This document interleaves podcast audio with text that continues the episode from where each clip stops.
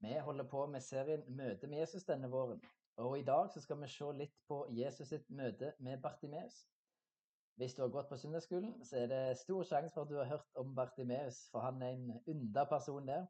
Men nå skal vi ta oss og lese litt om dette møtet som Jesus hadde med Bartimeus. Det står i Markus kapittel 10, og vers 46 og til 52. Da de kom til Jeriko, og da Jesus dro ut av byen sammen med disiplene og en stor folkemengde, satt en blind mann ved veien og tigget. Han het Bartimeus, sønn av Timeus. Da han hørte at det var Jesus fra Nasaret som kom, satte han i å rope, Jesus, du Davids sønn, ha barmhjertighet med meg. Mange snakket strengt til ham og ba ham tie, men han ropte bare enda høyere, du Davids sønn, ha barmhjertighet med meg. Da stanset Jesus og sa, be ham komme hit. De ropte på den blinde og sa til ham, vær ved godt mot, Reis deg, han kaller på deg. Mannen kastet kappen av seg, sprang opp og kom til Jesus. Hva vil du jeg skal gjøre for deg? spurte Jesus. Den blinde svarte, Rabuni, la meg få synet igjen. Da sa Jesus til ham, Gå du, din tro har frelst deg. Straks kunne han se, og han fulgte Jesus på veien. Bartimeus, han er blind, og han tigger men når han hører at Jesus kommer forbi, så begynner han å rope, og han roper høyt. Så, folk, så høyt at folk begynner å hysje på ham, uten at det hjelper noe. For Bartimeus han bare roper enda høyere. Og Jeg får et litt sånn inntrykk av at Bartimeus han er, han er litt desperat. Dette er liksom hans sjanse, og den har han ikke tenkt å la gå ifra seg. Selv om folk hysjer på han, selv om han, folk kanskje mener at han driter seg ut, eller et eller annet sånt, så er dette hans sjanse. Men det er det han roper som, som egentlig er det viktige. For Bartimeus kaller Jesus for Davids sønn. Det er en messiansk tittel. Bartimeus har sannsynligvis hørt rykter om Jesus, og at han kan helbrede. Og kanskje har han hørt at folk snakker om at Jesus var Messias. Kanskje tror Bartimeus at Jesus er Messias, det, det vet vi ikke. Men han har iallfall hørt noe om Jesus, og det er nok til at, til at han roper og roper på Jesus som Messias. Og det vi vet, er at Jesus han responderer på ropet til Bartimeus, og han ber han om å komme. Plutselig så blir Bartimeus oppmuntra de rundt. De som egentlig drev og hysja på han, de sier nå kom igjen, gå, han, han, vil snakke med deg. Og Bartimeus kommer til Jesus, og, og Jesus spør hva vil du jeg skal gjøre for deg? Og Det er et spørsmål som Jesus spør flere ganger til forskjellige folk. Og er ikke det litt rart, egentlig? Jesus vet jo at Bartimeus er blind, så hvorfor spør han det? Kan sikkert være mange grunner til det. Jeg tror kanskje en av grunnene er at Jesus ønsker at Bartimeus skal uttrykke hva han egentlig ønsker. Og det er litt som det samme med bønn, tror jeg. Gud vet jo hva vi trenger. Men allikevel så vil han at vi skal uttrykke det til ham. Litt sånn hvis, hvis vi har unger, så, så, vil vi jo ikke bare gi ungene, vi vil at de skal fortelle oss hva de trenger. Vi har lyst til å ha den kommunikasjonen, vi har lyst til at de skal uttrykke det de har behov for. Bartimeus han sier at han ønsker å få syn igjen. Og Jesus helbreder ham, Bartimeus begynner å følge Jesus. Og Hvis vi ser på hvordan, hvordan forholder Jesus seg til Bartimeus Jo, når andre prøver å hysje og prøver å få Bartimeus til å slutte å rope, så vil Jesus at han skal komme. Og det er noe nydelig i det, syns jeg. Når andre avviser oss, prøver å trykke oss ned, så ønsker Jesus oss velkommen. Det gjør han alltid, men kanskje spesielt i de situasjonene. Så er det, er det godt å vite at Jesus han ønsker oss alltid velkommen. Han står alltid med åpne armer og tar imot oss. Så spør Jesus hva han vil at han skal gjøre. Og For meg er det et uttrykk for respekt. For det kunne jo faktisk være at det var noe annet Bartimeus ønsket seg. Kanskje det fikk Bartimeus til å tenke litt. Jeg syns uansett det er nydelig at Jesus, Jesus, ikke bare tar for gitt hva Bartimeus ønsker, og så bare gjør det, men han faktisk spør hva ønsker du, Bartimeus? Hva vil du at jeg skal gjøre for deg? Og det syns jeg, jeg, er nydelig. Jeg syns Jesus er fantastisk, og han behandler oss mennesker på en så utrolig fin måte. Eh, han er bare nydelig, rett og slett. Og så tror jeg det er noen ting som vi kan lære fra denne historien. Og Det første handler om Bartimeus sin desperasjon. Og det, For Bartimeus jeg syns han virker litt sånn desperat, og det er ikke så veldig rart heller.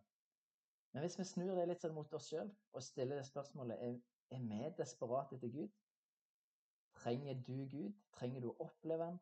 Er det noen ting som han trenger å gjøre i livet ditt? Er det en lengsel, en sterk lengsel etter å komme nær Jesus, etter å leve tett på ham? Etter at han skal få være herre i livet, etter at han skal få vise oss nye ting og lede oss? Er, er det en sånn lengsel, en sånn desperasjon i våre liv? Og det er desperasjonen som får Bartimeus til å rope, og det ender opp med at han får syn igjen.